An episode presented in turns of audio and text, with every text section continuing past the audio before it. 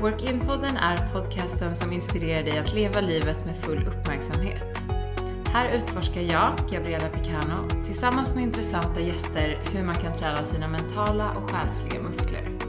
Podden som djupdyker i hur du kan må bra inifrån och ut. Vad betyder det att leva ett närvarande liv? För mig betyder det att leva livet på sina egna villkor och utanför ekorrhjulet. Att det man gör kommer från sitt hjärtas längtan och inte från en massa måste, borde och man ska ju. Att leva sin sanning helt enkelt. Rosanna Holmström är breathwork coach och yogalärare med en utstrålning och närvaro som smittar av sig. En klass med Rosanna är som att kliva in i en annan värld och låta sig guidas bortom andra dimensioner. Rosanna är expert på andetaget och den kraft som bor i det. Och det är någonting av det som vi kommer dyka djupare in i det här avsnittet. Så hej Rosanna och välkommen! Hej, tack så jättemycket. Mår du bra idag? Jag mår jättebra tack. Hur mår du? Jag mår bra. Det är lite såhär december-racen, slutspurt innan, innan jul. Det har varit så ganska lugnt och det brukar alltid vara för mig i, i den här branschen. Det är många andra av mina kunder som är stressade. Men nu är det som att så här, sista veckorna har det hänt någonting så alla ska träna och alla ska boka in saker, men det är kul också. Ja, verkligen. Eh, jag brukar börja med att man alltid får um, beskriva din känsla idag med ett ord. Så om du vill sammanfatta hur du känner dig med ett ord. Absolut. Jag ska bara känna in här lite. Så ta ett djupt andetag in.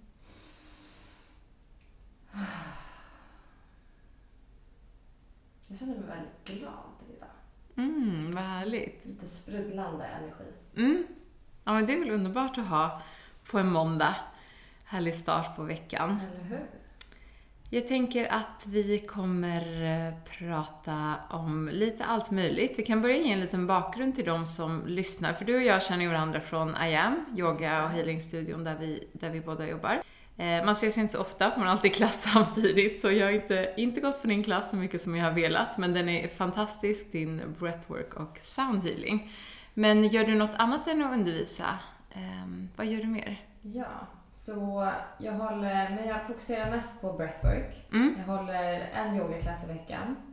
Annars är det mest andning till olika företag och är på olika studios runt om i Stockholmsområdet. Sen studerar jag faktiskt till digital analytiker Mm. Vad härlig kombo. Ja, det är en helt annan. Så jag är lite både och. Jag är liksom däremellan den spirituella världen och den analytiska. Ja. Det Vad härlig kombo. Vad jobbar man med då, då när man är klar med det? Eller vad vill du göra? marknadsföring, digital analys. Jag kommer nog mest fokusera på att använda det inom mitt egna bolag, så Mm. inom andning och sådär. Men eh, eventuellt konsulta lite till andra bolag också. Tack. Ja, kul. Men du har ju också en bakgrund där du har jobbat med djur om jag inte minns fel. Ja, Ja. jag jobbade på veterinärklinik som djursjukskötare i, ja, vad var det nu, sju år faktiskt. Så jag var helt säker på att det var djur jag skulle jobba med. Mm. Jag har alltid älskat djur väldigt mycket.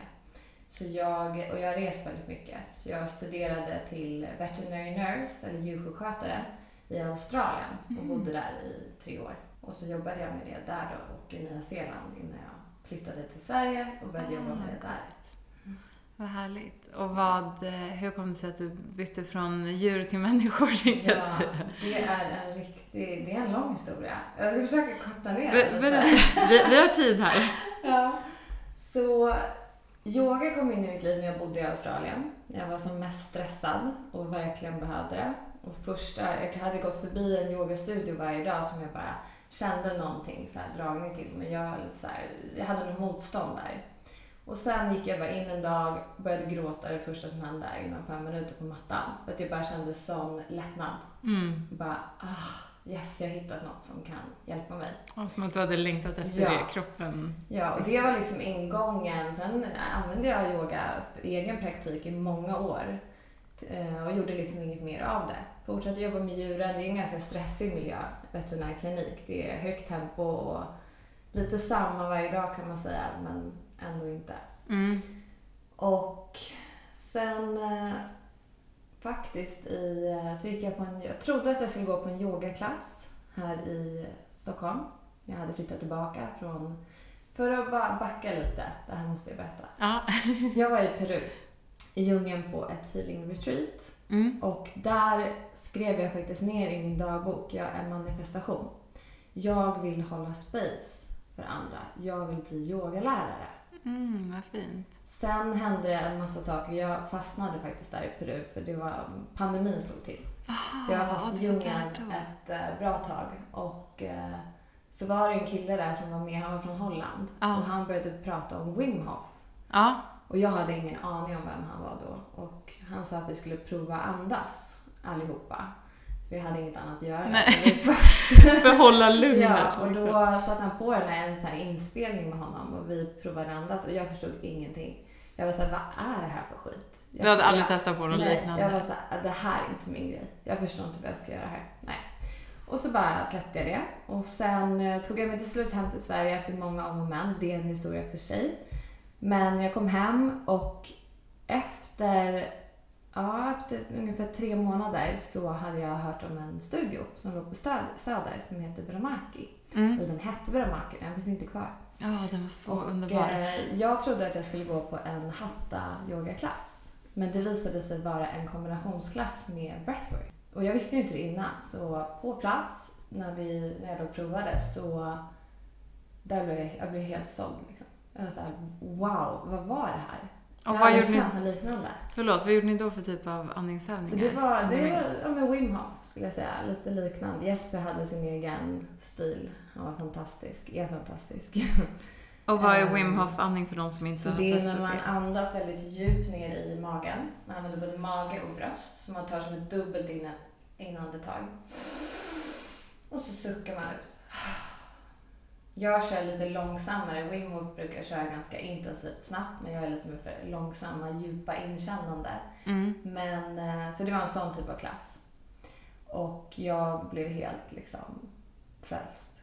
Mm. Jag, jag fattade inte vad jag hade varit med om. Och det var en ny känsla. Jag hade provat mycket saker och sådär, varit nyfiken, sökande. Men det här var en känsla av att komma hem. Mm. Alltså okej, här är jag.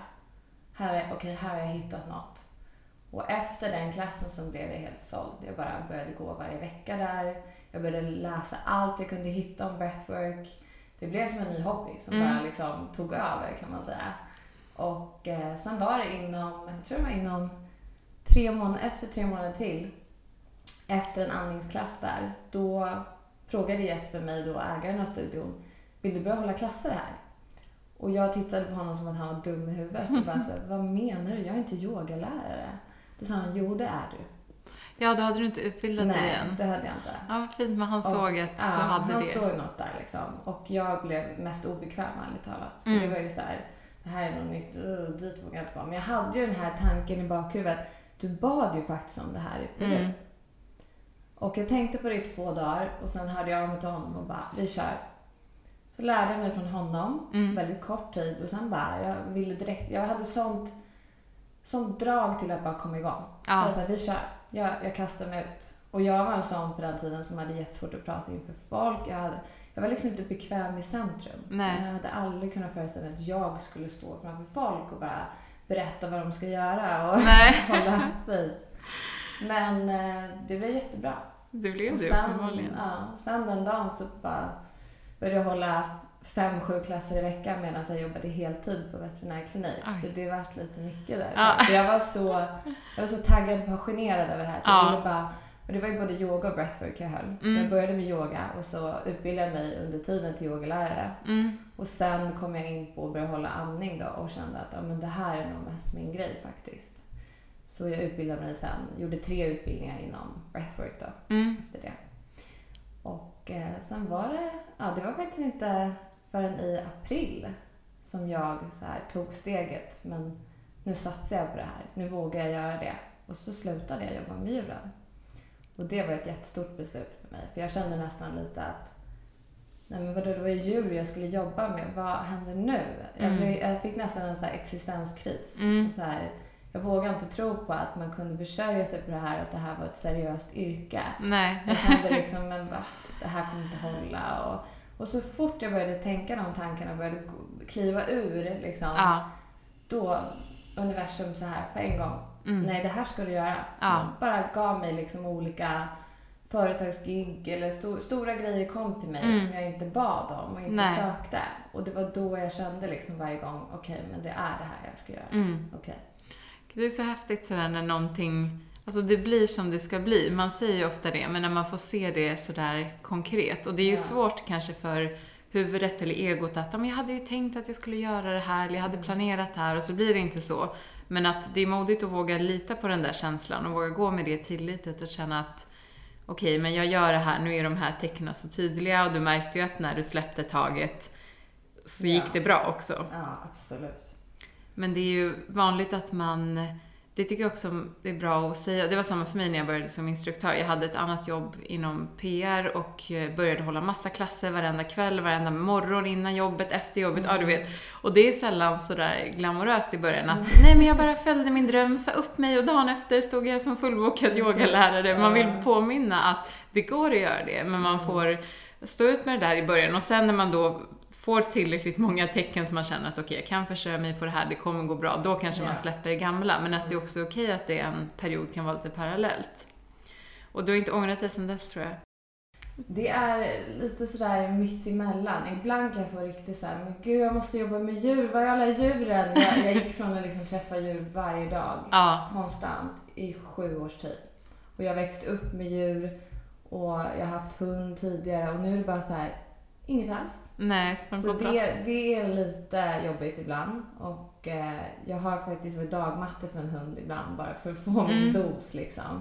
Men jag känner inte någon längtan tillbaka att jobba i en veterinärmiljö. Nej, För det är som sagt väldigt stressigt. Det är inte så glamoröst som man kan tro att man bara gullar med. Nej, det förstår jag. Det är mycket, mycket tuffa grejer också. mm. ja men det är klart, det är ju Så- ändå sjukdomar och kanske liv och död, så du, Ja. miljön förstår jag är stressig. Men vi får se, man vet aldrig. Jag kanske gör både och någon gång igen eller hittar något sätt att Ja. balansera det. Ja, men det är det man, man också kommer ihåg. Att man kan alltid, att man väljer något betyder inte att man har sagt nej till allt annat för alltid. Man kan ju alltid kombinera eller ändra sig och gå tillbaka. Men det viktiga är att man kanske gör det som känns rätt i stunden. Ja. Och jag har testat breathwork lite olika, några olika gånger. Bland annat har jag varit på din klass som var Mm. helt ljuvlig. Och ehm, jag tycker att det är... eh, Vi har ju en del andningsövningar inom yogan och jag har en del i mina onlinekurser. Och det är, jag tycker att när man gör det, man behöver inte veta så mycket för man känner hur bra det känns. Man kan känna att man blir lugnare eller att man kan få ett djupare andetag. Men jag läste också en helt fantastisk bok i våras som heter Breath. Ja. Den är, och då blev jag så här. "Eh, Va? Varför har ingen berättat det här om... Jag har ändå jobbat med träning i tio år, jag har gått massa olika utbildningar och det enda jag har lärt mig är att man ska andas ut när det är som jobbigast i en övning.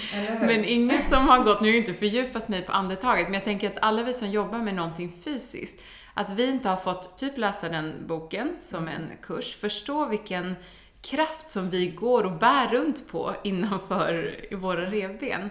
Och hur mycket outnyttjad potential det känns som att det finns i andetaget. Och då menar jag inte bara i att här, du kan förbättra din eh, kondition eller syreupptagningsförmåga. Ja, jag antar att du säkert har läst den boken. Ja, det var faktiskt en av de första böckerna jag läste Mm. jag blev såld på breathwork och den är fantastisk. James Nestor. Exakt. Jag träffade honom. Ja, Han är så wow. Jag är så tacksam för den boken. För Ja. han har ju bara lagt ihop allt han har hittat och forskat på det. Och det är otroligt vad han har hittat. Ja. Liksom. Ja, det är så lärorikt. Och det är ju, för han är väl journalist Mm. och sen har han skrivit den med en svensk forskare, Anders Precis. Olsson, som också har, som jag inte alls kände till innan, men som har gjort så mycket. Jag tipsar alla att läsa den. Den heter Breath på engelska och på svenska heter den Ja, vad heter eh, den? någonting med andetag Ja. tror jag. Ja, det går att googla. Ja. James Nestor och Anders Olsson. Men de gör så mycket sjuka experiment också med att andas bara genom näsan, andas bara genom Mm. munnen, så man blir lite, liksom den är nästan obehaglig ibland, men den är så intressant. Och där pratas det om massa olika eh, aspekter av andetaget. Vad skulle du säga är det mest kraftfulla vi kan lära oss av andningen? Jag skulle säga att det är att bara vara tyst. Att bara liksom inte tänka. Vi tänker konstant. Jag är verkligen guilty av det och visste inte ens om det innan jag började med breathwork. Mm. Jag, jag var inte ens i närvarande i det. Att jag tänkte så mycket, analyserade så mycket och att jag kanske hade tankar som inte var så bra för mig. Mm. Eller, utan det, vi stannar ju inte till och känner efter och känner in Så breathwork, det, det är bara det här, den här metoden där du då kan landa i ingenting. Du tänker inte, alla tankar tystas, du bara är. Mm. Och det är en fantastisk känsla i sig. Mm. Och jag tror att den är så viktig för där kan vi hitta svar. Mm. Där kan vi känna in och se våra beteenden och förstå saker på ett annat sätt. Så för mig är breathwork mitt sätt att reglera mig själv. Mitt nervsystem bara liksom bara i närvaro. Ja, det är så sant. För det är ibland också när man pratar om meditation eller börjar en yogaklass så är det alltid kanske lyssna på ditt andetag, hör andetaget. Det är ju ett bra sätt tycker jag att få kontakt med nuet. Men om man bara ska andas djupa andetag som vanligt, eller vad man ska säga, så kan det ändå vara att det är massa tankar som Mm. snurrar. Det, det känner jag också. Jag förstår om du kommer in stressad från jobbet till en yogaklass och bara lyssna på ditt andetag. Nu är jag nästan arg, mamma, men det är tusen andra saker Ja. att höra. Men när man gör såna här övningar, då kan det också vara ibland att man ska hålla andan, man ska andas Mm. snabbt. Man är så fokuserad. Det är ju som att träna, du är fokuserad på det du ska göra, så det går inte att tänka. Det går bara att tänka på, och nu ska jag hålla andan lite till, så jag håller med. Det är som att det blir helt Ja. rent i huvudet. Precis, det är det som är det fina med breathwork. Att du behöver inte sitta och försöka tvinga dig in i meditation. Det är väldigt svårt för många att lyckas nå Mm. dit, inklusive mig. Men när du ligger och andas i en specifik rytm, likadant om och om igen, och bara fokuserar på det. Till slut så kommer tankarna bli färre och färre. Mm. Och till slut kommer det tystas. Ja. Jag brukar säga att inom i alla fall fem minuter kommer du känna en skillnad i Mm. kroppen och i sinnet. Det går väldigt fort. Mm. Och jag brukar säga, när, ni har säkert hört det här, ta ett andetag när man är upprörd eller... Och det ligger något i det. Men jag brukar säga håll andan. Mm. Hålla andan, wow, där finner vi grejer. Och där är det helt tyst. Det är Ja. det bästa för mig med breathwork, det är att hålla andan. Mm. Och vad är det som är så bra med det rent fysiologiskt? Vad är det som händer när vi håller andan? så är det ju att vi blir utsatta för koldioxid. Våra Mm. koldioxidhalter stiger i blodet. Vilket är jättebra för vår hälsa. Så det som händer i dagens samhälle är att vi överandas. Mm. Så vi, mycket på grund av stress. Vi börjar andas upp i bröstet. Vi börjar hyperventilera okontrollerat genom munnen. Det är tydliga tecken på stress. Och det som händer där är att vi hinner inte bygga upp tillräckligt mycket koldioxid i blodet. Och då kan vi inte ta upp syret lika effektivt i kroppen. Så man Nej. kan säga att vi andas samma syrefattiga luft om och om igen. Mm. Så, Så, vi tar fler andetag men får i oss mindre syre än om vi skulle ta två djupa andetag in genom näsan och Mm. genom magen. Så det är otroligt kraftfullt. Så det är, vi har mycket kvantitet men inte kvalitet. Precis. Ja, jag tyckte det var intressant i boken, för man tänker att ja, vi andas för dåligt idag. Då tänker man kanske att vi andas upp i bröstet och vi andas för lite. Men just Mm. det här han säger att vi andas för mycket men på ett dåligt sätt. Ja. Får inte till oss syre. Och just det här med koldioxid, där man tänker bara att ja, men det är ju någonting dåligt som du inte vill ha i kroppen. Mm. Men det är väl att när du bygger upp det så regl- reglerar inte det utandningen på något sätt? Eller? Jo, precis. Så det hjälper också till att aktivera vårt parasympatiska nervsystem, Mm. vilket tar oss ur vår fight and flight. Mm. Så det gör så att vår puls går ner, blodtrycket går ner. Så det, det är fantastiskt effektivt när man är stressad. Mm. Ja, det är så intressant. Och jag tänkte på det, för det pratas ju mycket om att andas genom näsan. In och även ut, va? Gärna. Men eh, framförallt in för att det filtrerar ju luften och värmer luften. Mm. Och jag tänkte så här, bara till exempel under pandemin, om vi hade fått lära oss en sån simpel sak som att andas in genom näsan, eller generellt.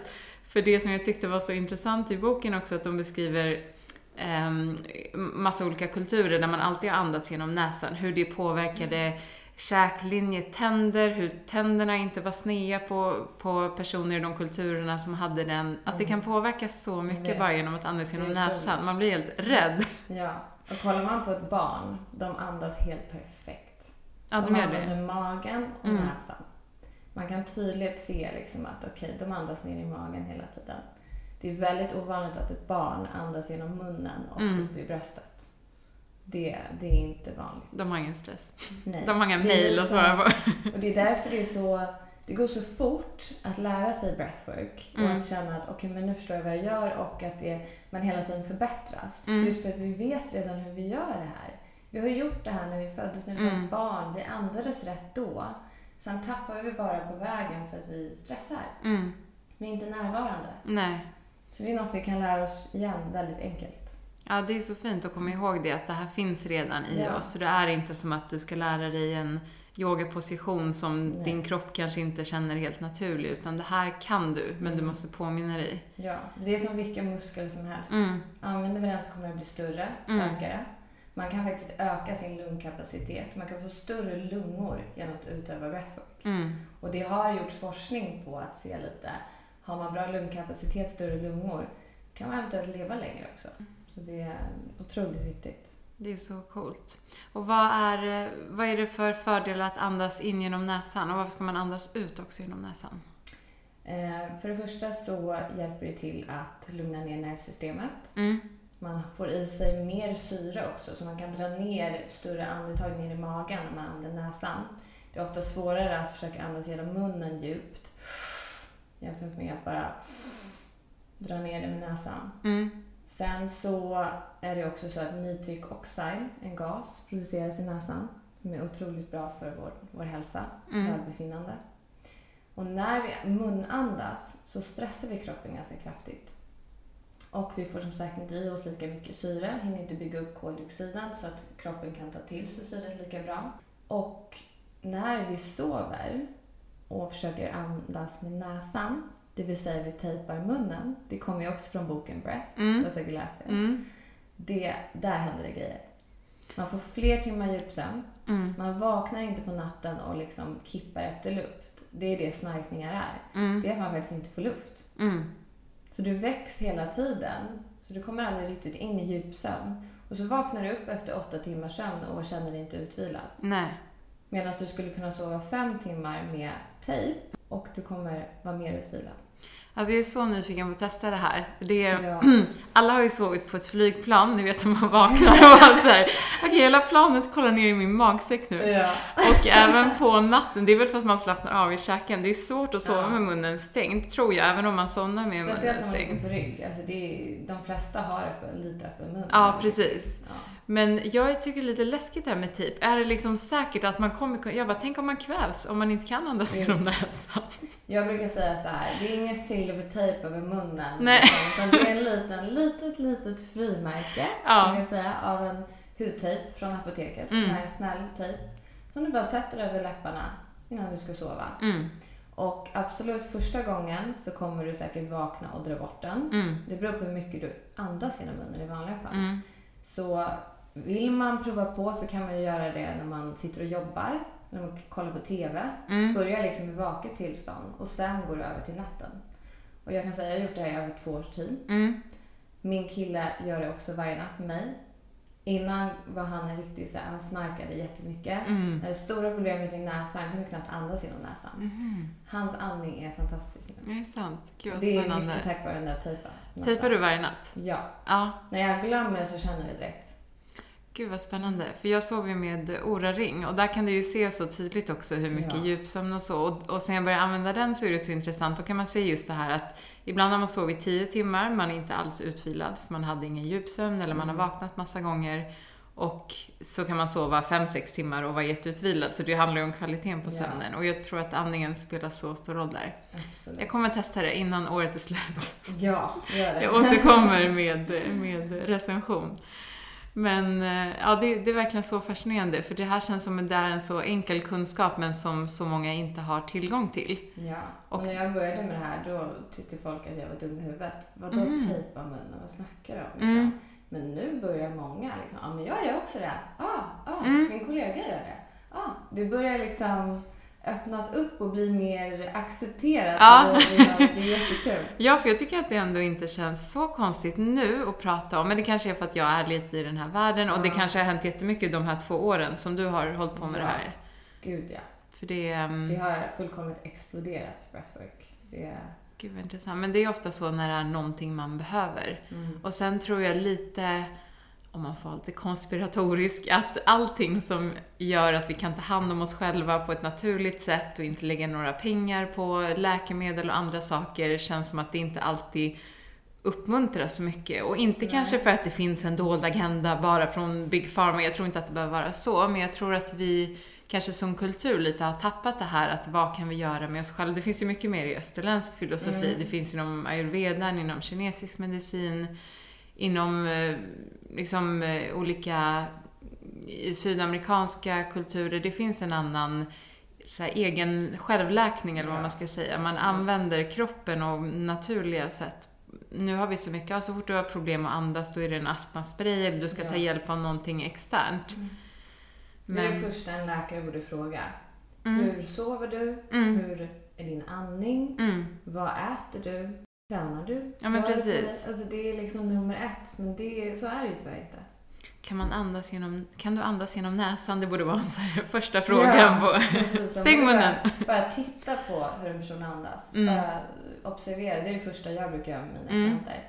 Bara kolla på hur deras naturliga andning är. Mm. Och det är också därför vi alltid börjar med något som kallas för breath awareness. Innan man tar kontroll över sitt andetag och börjar lägga sig i, då måste vi först veta hur är mitt andetag? Mm. De flesta vet inte hur de andas. Nej, När jag frågar, andas du genom näsan eller munnen mycket? Jag har ingen aning. nej, Vet du om du andas mycket i bröstet eller ner i magen? Nej, jag vet inte. nej. Fort, långsamt. Alltså det, är, det är jätteintressant när man börjar lägga märke till sitt andetag. Ja, det är kan jag tänka mig. Det finns så mycket information att hämta. Ja. Vad har du själv för... eh, Har du någon daglig andningsritual? Jag tänker du håller så många klasser, men gör du Ja. tid för din egna... ja, det gör jag. Så jag brukar börja morgonen med bara balance breathing. Jag älskar den. Det är när man andas in och ut genom näsan. Fem Mm. sekunder in, fem sekunder ut. Den är fantastisk för att bara balansera nervsystemet. Komma in i liksom klarhet. Så den brukar jag börja med. Sen tränar jag alltid på morgonen och då brukar jag göra mina breath performance grejer innan. Vilket innebär att jag cyklar Mm. och, och håller andan. Så jag går Mhm. in i olika andningsuppehåll i rörelse. Mm. Det är en väldigt eh, speciell känsla. Det låter jobbigt. Ja, det, är, det är lite tuffare, Mm. men eh, det ger mig så mycket energi. Det finns ju en fördel i att göra det här innan träning för att vi ökar våra röda blodkroppar, vilket då hjälper till med syretillförsel i kroppen, så Mm. vi får mer energi. Så man kan säga att man får det som en energiboost precis Mm. innan träningen. Och när du har fokuserat på ditt andetag och liksom tagit stora andetag innan och hållit andan, då är du mycket mer närvarande i kroppen när Mm. du tränar. Så jag får ut mer av träningen gör det. Så jag gör alltid de här grejerna på morgonen. Någon form av andning först i sängen, bara kort. Bara Mm. mer för att känna in vart är jag idag. Mm. Och sen innan träningen. Sen håller jag ju klasser och jag är lite speciell. Jag andas ju på mina klasser med mina Mm. klienter. Jag går ju runt och liksom... Så jag eh, kan ju hålla tre klasser om dagen ibland och då har jag är du i andats- snurrisen. Jag andas otroligt mycket och hållit andan förstås. Men, Ja. eh, ja. Ja, men det är coolt det här med träningen, för det, det är som att man gör en egen liten doping nästan innan. Ja, EPO, precis. Gud vad coolt. Och för sen kör du styrketräning. Ja, antingen styrketräning eller så kör jag någon intervallträning. Jag boxas också lite ibland och sådär. Så jag varierar ganska mycket. Men mycket styrketräning. Och hur, är det något speciellt sätt du andas på under tiden eller håller du andan även där? Vad finns det Så för? när jag väl tränar, då är det bara hela tiden tänka på näsan. Mm. Jag andas genom näsan oavsett vad jag gör. Även Så ut? springer jag intervaller på liksom löpband upp i speed 20, då andas jag genom näsan ändå. Och det tar tid att träna upp. Mm. Det kan låta helt otroligt, men när man lyckas få in det där i sin fysiska prestation, wow. Det blir så, att träning blir liksom som en meditation. Så när du styrketränar och tänker på ditt andetag, andas genom näsan hela tiden. Jag använder något som heter intra-abdominal pressure. Mm.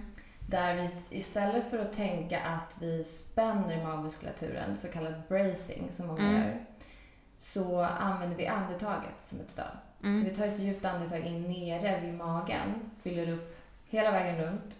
Och det som händer då är att det blir som en studsmatta Mm. mellan diafragman och pelvis. Och det här supportet, det, är liksom, det kan inte bli stadigare än så. Mm. För när vi bara spänner magen utifrån, då blir det ofta så att ryggen har inget skydd. Mm. Och skadar sig många när de gör tunga benböj eller marklyft. För att de är bara stabila fram. Mm. Så det använder jag jättemycket. Ja, vad spännande. Det låter lite som man jobbar med eh, nyblivna mammor eller gravida, att man inte Mm. heller vill bara ha just det här med bracing, du vill inte ha så mycket tryck heller nedåt Nej. mot bäckenbotten och bara trycket utåt, utan lite mer nästan lyfta uppåt och att du jobbar med den, ja, den inre cylindern och djupa magmusklerna. Exakt. Och det är, sån, det är en också sån koppling med andetaget som man märker jag har tränat det mycket med de klienter som har fått barn, men det borde vi alla träna på. Men som Mm. kvinnor, just den här kontakten mellan djupa magmuskler, bäckenbotten, andetag, det samspelet är ju ofta inte så bra, kan Nej. man märka. Vi har bara lärt oss att spänna max eller Ja, andas. Det är mycket spänn och tvinga fram. Mm. Liksom. Så där, det är det jag försöker jobba ifrån i all typ av breathwork jag håller på med. Vare sig det är träningssyfte eller i liksom mer Mm. vilosyfte eller sådär, yoga, allt. Jag försöker bara liksom hitta det naturliga stödet från Mm. andetaget. Ja, inte krysta fram saker. Det, det blir ju också mycket skönare då. Det här Mm. att jag tror att vi ibland tror att det ska vara så hårt och sånt plågeri istället för att tänka att det kan vara ett mer naturligt sätt. Ja. Men andas du också ut? För i styrketräning är mycket andas ut genom munnen och släppa ut luften. Jag andas ut genom näsan, så kraftfull. Och det är bättre än att andas ut Mm. genom munnen. Du får en bättre kontroll Mm. alltid vid näsan. Så när man hittar den här stabiliteten när du då andas in i den här cylindern, då vill du liksom... Du får mycket bättre kontroll när du andas ut genom näsan. Sen är det förstås okej att sucka ut andetaget om man behöver det. Liksom. Jag brukar säga andas i näsan, andas genom näsan till den mån det går. Mm. När du behöver flåsa, gör det. Men sen då emellan intervallen, låt oss säga om vi intervalltränar, få ner andetaget. Det är ju målet. Oftast är det bara så här kötta, kötta, kötta. Folk ligger och hyperventilerar på rygg i slutet av ett träningspass. Mm, Det är inte för att deras kropp är helt slut. Det är för att de, de kan inte andas. Nej. Så när vi liksom har kontakt och kontroll över andetaget, har vi också kontroll över nervsystemet. Mm. Det får vi inte glömma bort. Nej. Så jag brukar alltid emellan då en intervall för försöka hitta tillbaka till det här lugna andetaget. Jag lugnar ner min puls och försöker så fort det går komma tillbaka till näsandning. Ja, det känns som att folk som kanske blir väldigt trötta av träning, även den som inte är så högintensiv, du Mm. tänker att de skulle kunna bli mindre trötta av att de lärde sig andas. Det handlar kanske inte bara om att man har dålig kondition eller man är otränad, utan lära sig att använda. Att Jag jobbar med vissa som har eh, utmattningssyndrom Mm. som inte kan träna för att de, de blir så stressade Mm. av bara musiken nästan. Och eh, när de tränar på det här sättet, breath performance, då går det jättebra. Mm.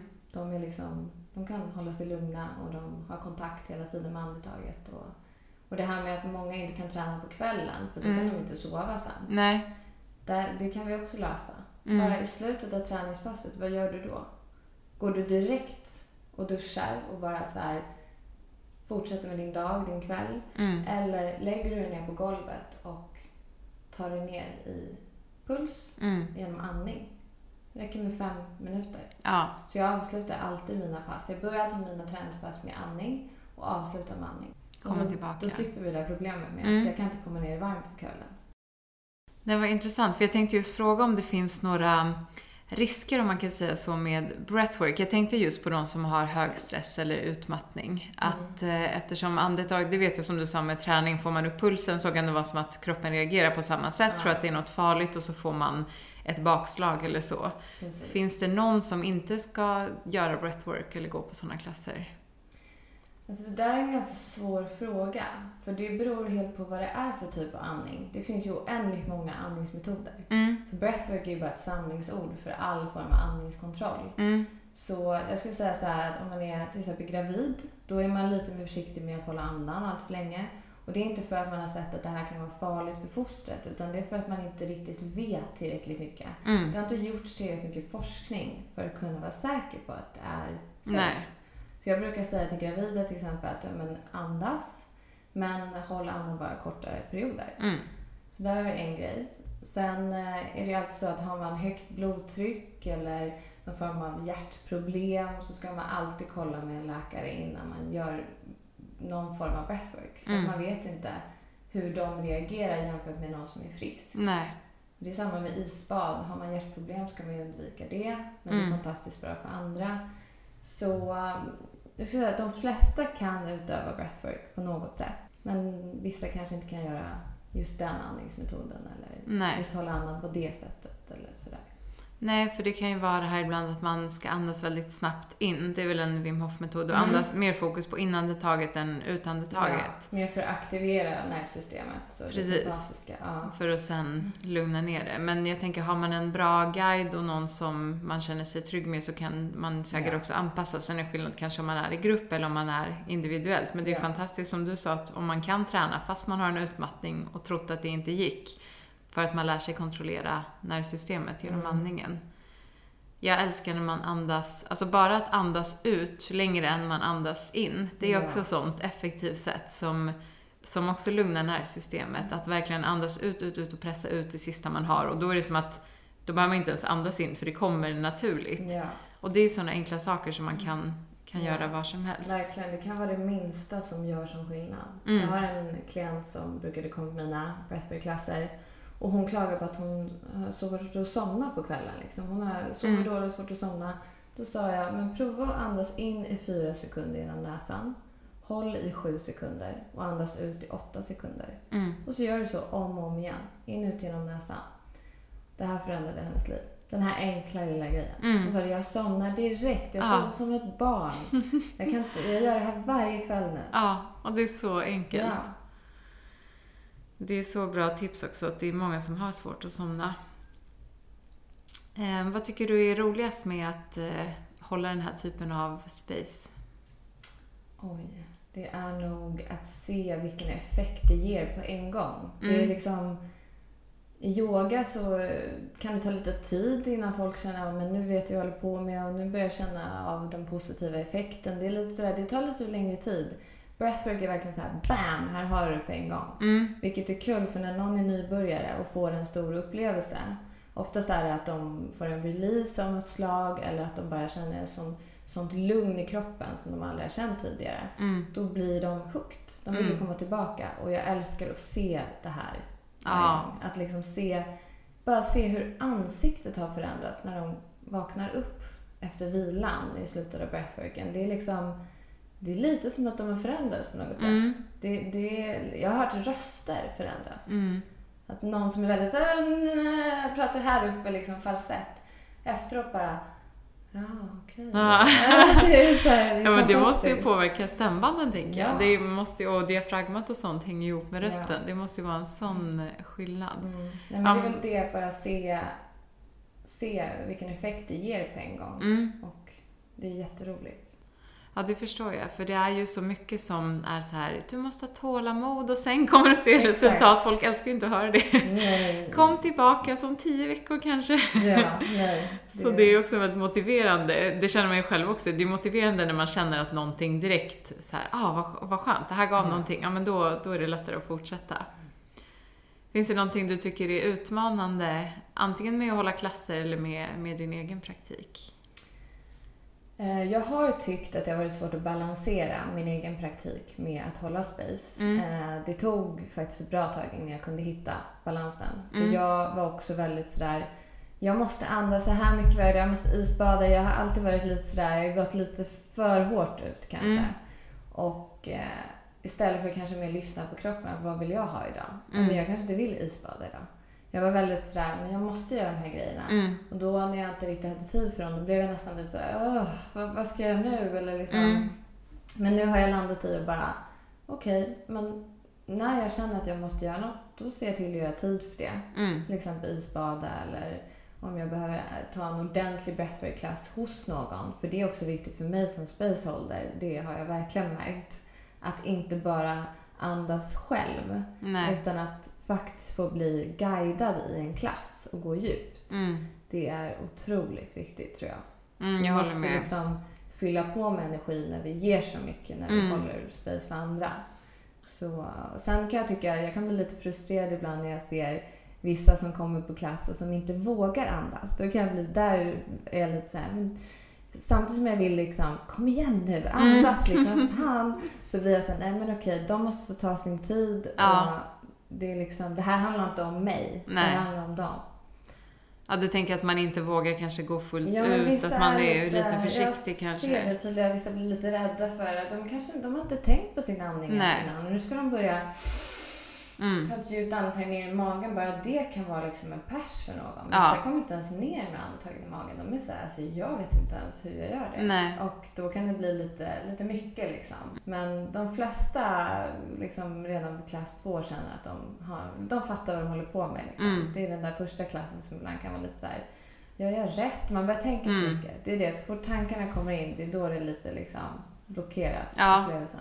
Jo, men det tror jag. Precis. Man tänker att det ska ju vara på ett visst sätt. Då vill man ju göra rätt såklart. Ja, det här med Men- att göra rätt alltid. Jag brukar alltid säga det i början av en klass att du kan inte göra fel här. Nej.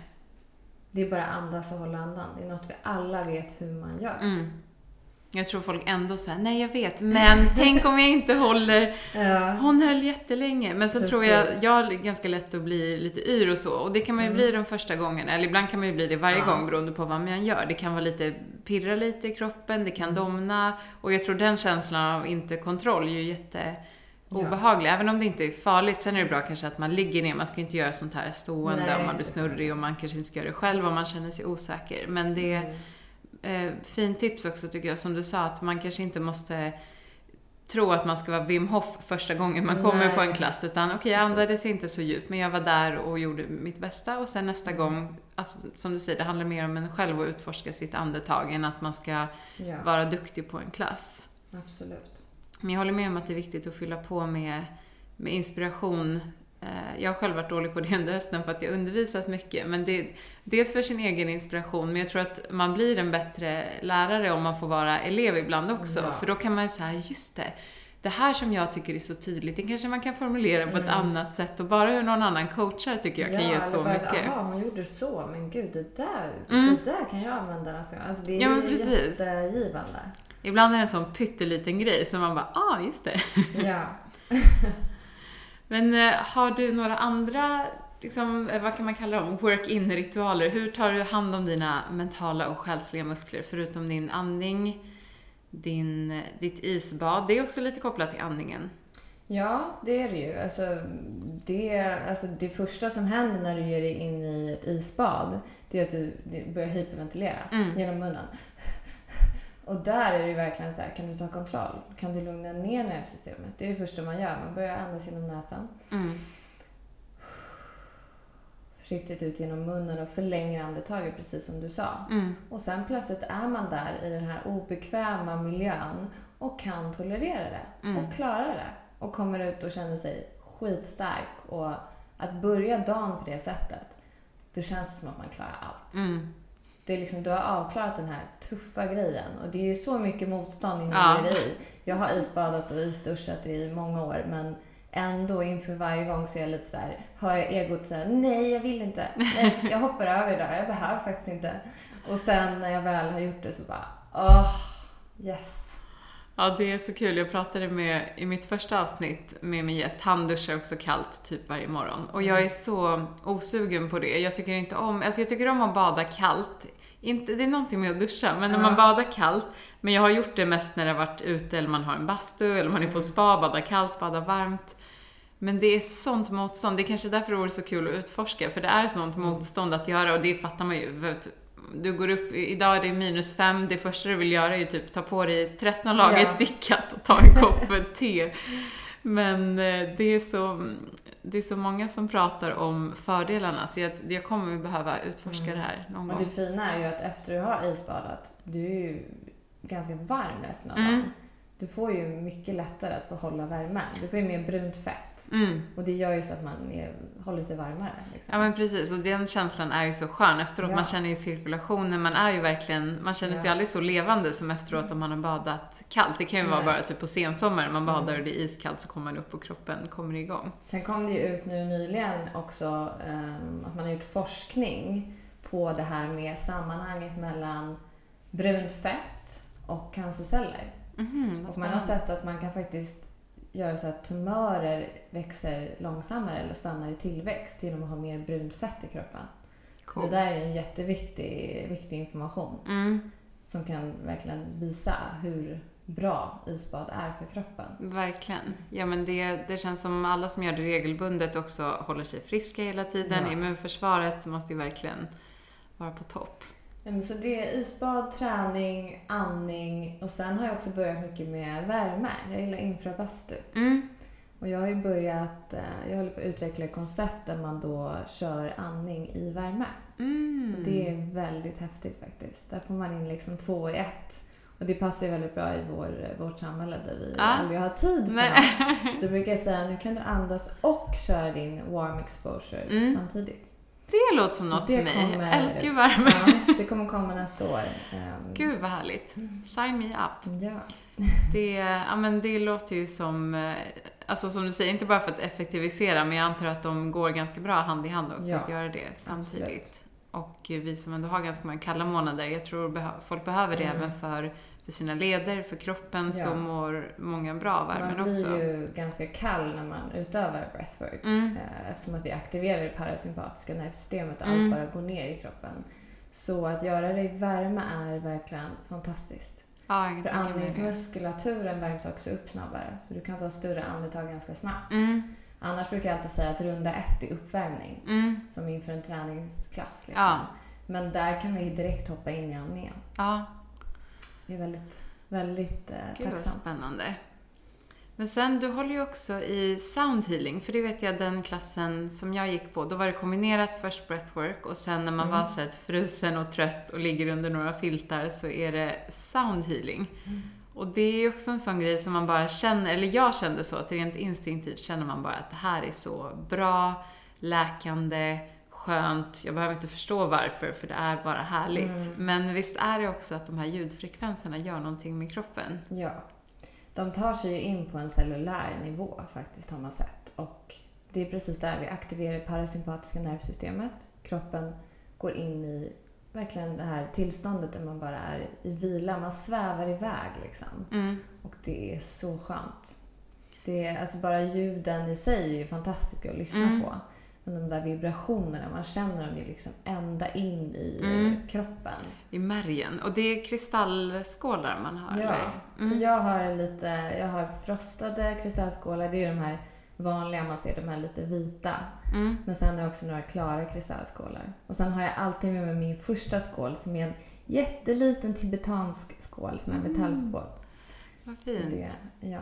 Och jag har upptäckt att just att kombinera det med andning är otroligt. Mm. Jag provade på det själv bara sådär, liksom jag hade andats och så.